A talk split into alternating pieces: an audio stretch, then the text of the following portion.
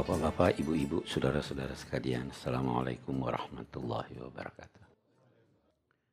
Malam ini eh, topik kita masih lanjutan topik yang lalu tentang kepercayaan kepada hari akhir. Kita sudah bicara banyak menyangkut itu, tapi masih ada beberapa yang eh, saya rasa perlu kita eh, ketahui. saya pernah katakan atau tidak, saya lupa ilmu tidak bisa menciptakan iman. Ilmu tidak bisa menciptakan iman. Karena itu ada orang yang tahu tapi tidak percaya. Ada orang yang tidak tahu tapi percaya. Iya.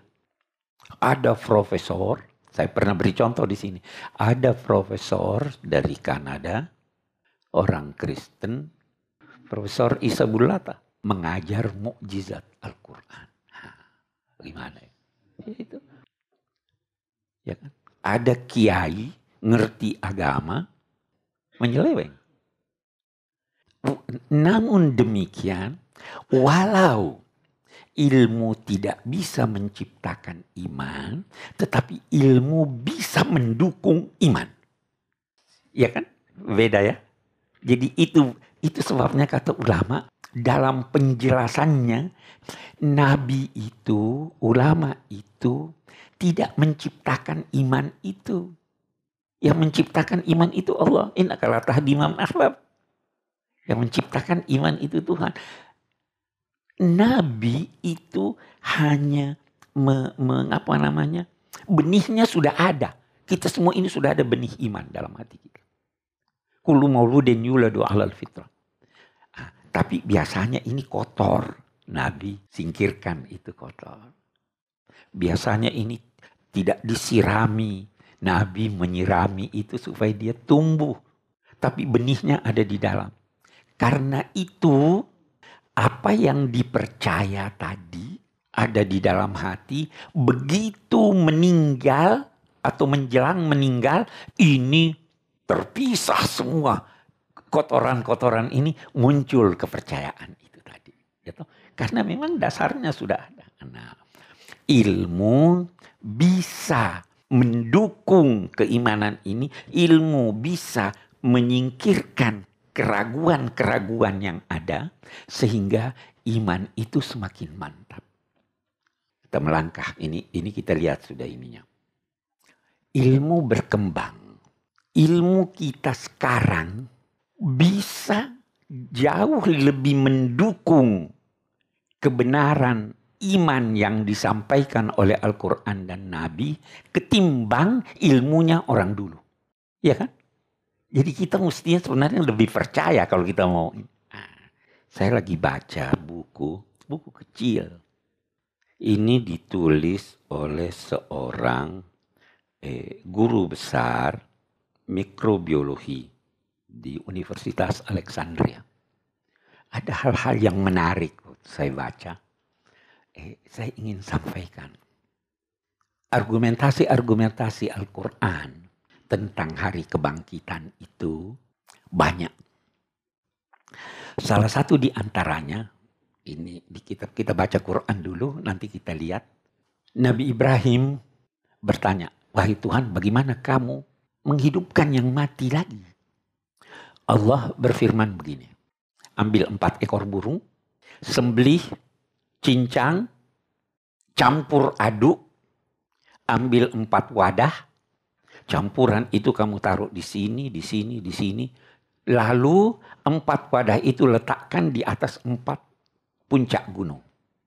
Setiap wadah sudah bercampur daging-daging dari keempat burung itu. Baru setelah kamu letakkan di sana, panggil burung-burung itu. Tiba-tiba burung itu datang bergegas, dia lihat ini cincangan-cincangan berterbangan, masing-masing cari pasangannya. Bagus. Ini bagaimana nih? Dulu ulama-ulama tidak fahami ayat ini dalam pengertian tersebut. Ada yang dia bilang itu bu, tidak dicincang, tidak di ini. Nah, kita mau baca di sini. Ini bukan kiai yang tulis nih. Dan saya kira ini ini kalau dijelaskan oleh orang yang ahli akan lebih eh, jelas. Dia katakan, saya baca argumentasinya. Dia itu bilang begini dulu.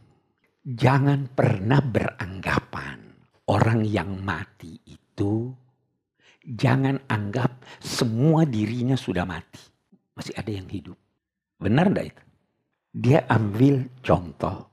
Dulu orang-orang menilai orang yang mati itu adalah yang terhenti denyut jantungnya. Ya kan? Tapi dia bilang, dalam kenyataan ada orang-orang yang sudah terhenti denyut jantungnya masih setelah di, ditekan-tekan dadanya, dia hidup lagi. Itu sebabnya definisinya kan berubah sekarang. Nah, tapi dia bilang, ada seorang dokter, sangat terkenal dokternya, punya pengaruh yang sangat besar. Itu Alexis Carrel. Ini orang Perancis, peraih hadiah Nobel. Dia pernah ambil jantung binatang. Dia keluarkan, dari binatang itu dia pelihara di luar. Jantung itu hidup terus. Itu bertahun-tahun hidup sampai-sampai baru dia mati. Jantung itu tidak bergerak dan tumbuh. Baru dia mati setelah tidak diperhatikan waktu Perang Dunia Kedua. So, tidak ada yang ini dia mati. Tetapi setelah itu ada lagi orang yang mencoba Ternyata itu bukan cuma jantung yang bisa hidup, tetapi jaringan-jaringan yang ada di sini itu bisa hidup dan bisa dipindahkan. Jadi dia berkata, jangan beranggapan orang yang mati itu sudah mati semuanya. Masih ada yang hidup. Saya waktu baca itu, saya komentari begini. Rasul Shallallahu Alaihi Wasallam bersabda bahwa semua bagian tubuh manusia itu akan punah kecuali aja zam ujung ekornya itu yang dihidupkan dari situ dia hidup. Nah kita baca dalam konteks ini yang ingin saya bacakan. Jadi dia, dia katakan di sini kalau ada satu orang ambil eh, jaringan-jaringan dari suatu tubuh. Bisa jadi kodok atau bahkan bisa jadi manusia kalau kita mau lakukan itu. Maka itu setelah dicampur nanti akhirnya setelah diberi hidup itu dia mencari teman-temannya sendiri. Nah, dia cari teman-temannya sendiri. Ya Allah, kalau begitu benar nih ayat ini yang bicara soal. Ya kan? Benar itu ayat. Kalau Tuhan beri ini, coba dia bercampur, dia cari. Ini sudah dibuktikan. Kita waktu baca itu tidak perlu lagi memberi pemahaman metaforis seperti itu. Bahkan ini di sini banyak sekali cerita tentang itu. Ini judul bukunya Limadha Namut. Kenapa kita itu mati? Jawabannya singkat, kita mati supaya kita hidup kita mati supaya kita hidup. Oke. Eh, dia ada jelaskan di sini. Ini sengaja saya beri muka dima ini karena kita akan berbicara kalau kita pakai logika kita yang boleh jadi bukan ahli di bidang lain. Oh ini tidak masuk di akal. Saya pernah menonton di TV, mungkin bapak-bapak pernah tonton. Penelitian menyangkut mumi-mumi Mesir. Dokter Bukai, seorang Perancis itu dia punya buku ada Al-Quran eh, dan sains modern itu. Dia ikut meneliti. Dia bisa tahu apa sebab kematian Fir'aun. Dia bisa, eh, eh, penelitian-penelitian bahkan bisa tahu dengan mengambil sedikit dari jasad ini tadi, dia bisa tahu apa makanan terakhir yang dimakan. Ya kan? Oke. Di sini dia katakan bisa jadi suatu ketika. Ini dia tulis sekian tahun yang lalu. Bisa jadi suatu ketika kita mengambil jaringan dari satu manusia. Lalu kita perbanyak di luar. Sehingga bisa sebanyak mungkin. Dan manusia ini bisa ber, berada di sekian banyak tempat Walau dia asalnya tadi cuma satu. Jadi dia bilang, agamawan yang bilang, kalau begitu tidak mustahil yang mati ini dihidupkan lagi. Terlalu banyak bukti-bukti itu. Nah, jadi sewaktu kita membaca ayat-ayat Al-Quran yang berbicara tentang hari kebangkitan, kita sekarang bisa jauh lebih paham daripada orang-orang dulu. Kalau orang dulu percayanya boleh jadi ya ini kan hadis Nabi ini hadis sahih ini. Percaya? Kita sekarang bisa lebih menguatkan itu eh, sama halnya ini nanti tangan akan bicara. Ya kan? Kalau kita bahas soal penimbangan amal kan amal ditimbang. Ini apa maksudnya nih amal ditimbang ini? Memang bisa ditimbang anda punya ini kita kita bicara ada kehidupan di barzakh. Memangnya bisa itu? Gimana itu? Itu semua dengan perkembangan ilmu bisa dicerna sehingga keimanan kita yang tadinya boleh jadi hanya sangka baik pada ustadz. Ya, keimanan kita boleh jadi hanya karena sesuai dengan eh, eh, binaan orang tua sejak kecil itu bisa lebih kuat dengan adanya argumentasi yang didukung oleh ilmu pengetahuan. Oke. Sekarang saya mau eh, masuk dalam rincian. Yang pertama, Anda harus percaya bahwa ada hidup setelah kematian. Hidup setelah kematian itu bermula hidup di kubur, semua hidup, lalu ada kebangkitan, lalu ada perhitungan, lalu ada penimbangan amal, lalu ada jembatan, lalu ada sorga. Itu Anda harus percaya. Itu mutlak percaya. Orang yang mati sekarang berada dalam kubur atau di alam barzah, Anda harus percaya itu. Yang berkata dia tidak hidup, tidak benar. Dia ada di sana. Yang berkata dia sudah tidak ada, tidak benar. Dia masih ada. Kita masuk rincian sekarang. Kita masuk rincian. Oke. Betul ada mungkar nakir. Rincian. Mau percaya silahkan.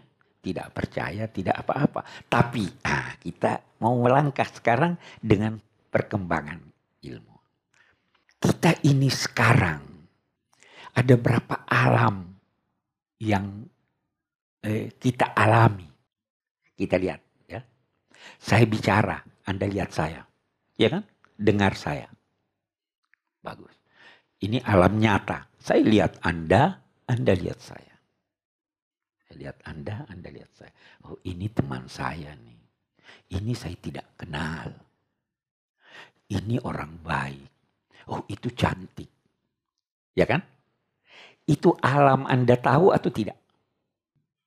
Anda tahu apa yang di pikiran saya? Tahu enggak? Enggak tahu. Lihat. Tidak lihat.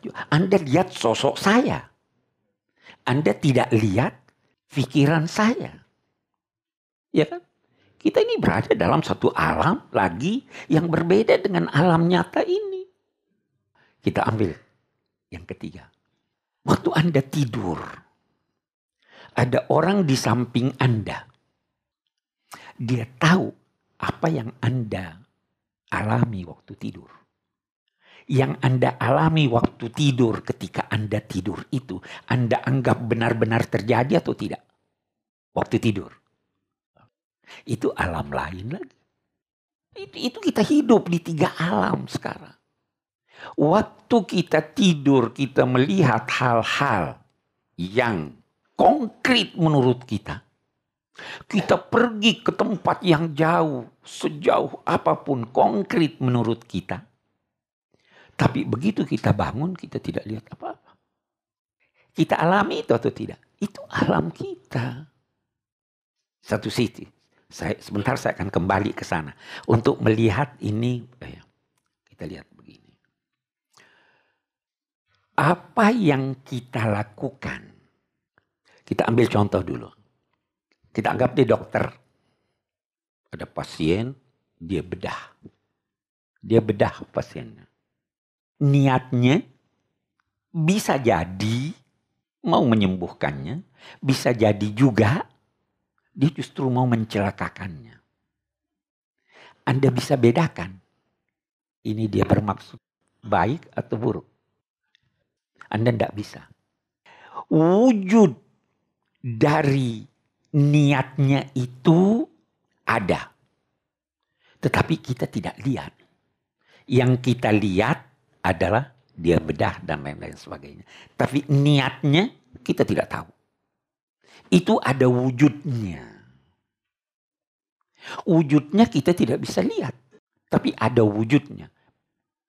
Nah, waktu kita mati itu, wujud itu nampak. Nah, itu yang ulama-ulama katakan yang percaya mungkar nakir itu sebenarnya amal Anda. Amal Anda yang nampak. Waktu kita tidur, waktu kita tidur, hubungan badan dengan jiwa berpisah tapi pemisahan yang tidak total. Buktinya apa? itu ibu-ibu yang paling banyak. Kalau anaknya menangis, dia dengar. Iya kan? Banyak orang tidur yang nyenyak tidurnya, hiruk pikuk di sampingnya dia tidak dengar.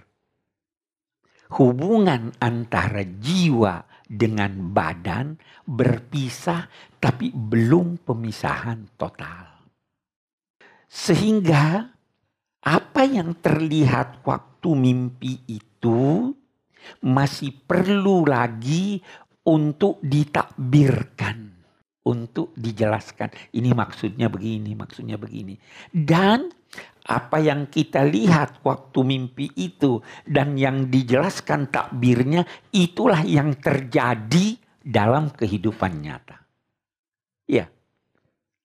Berapa hari yang lalu eh, saya dengar di TV ceramah bagus. Dia bilang itu mimpi dia bilang ada dua cara penyampaian. Bisa jadi penyampaian yang menyenangkan Anda, bisa jadi penyampaian yang menyedihkan Anda walaupun isinya sama. Dia beri contoh begini. Dia bilang ada satu raja mimpi giginya semua copot. Bagaimana ini penyampaian yang menyedihkan? dikatakan, heh, semua keluarga kamu akan meninggal. Menyedihkan. Nah, yang satu datang begini, oh kamu ini panjang umur, melebihi panjangnya umurnya keluarga kamu. Sama atau tidak?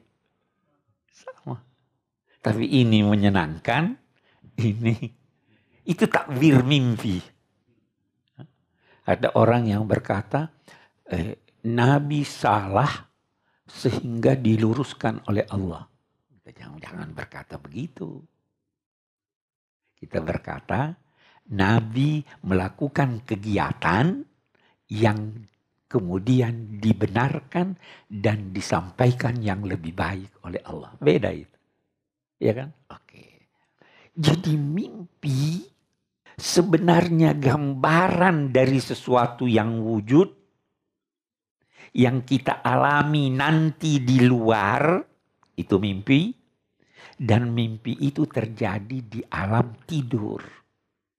Waktu orang sudah mati itu lebih jelas. Hampir tidak membutuhkan takbir lagi. Kita punya amalan ini ada wujudnya.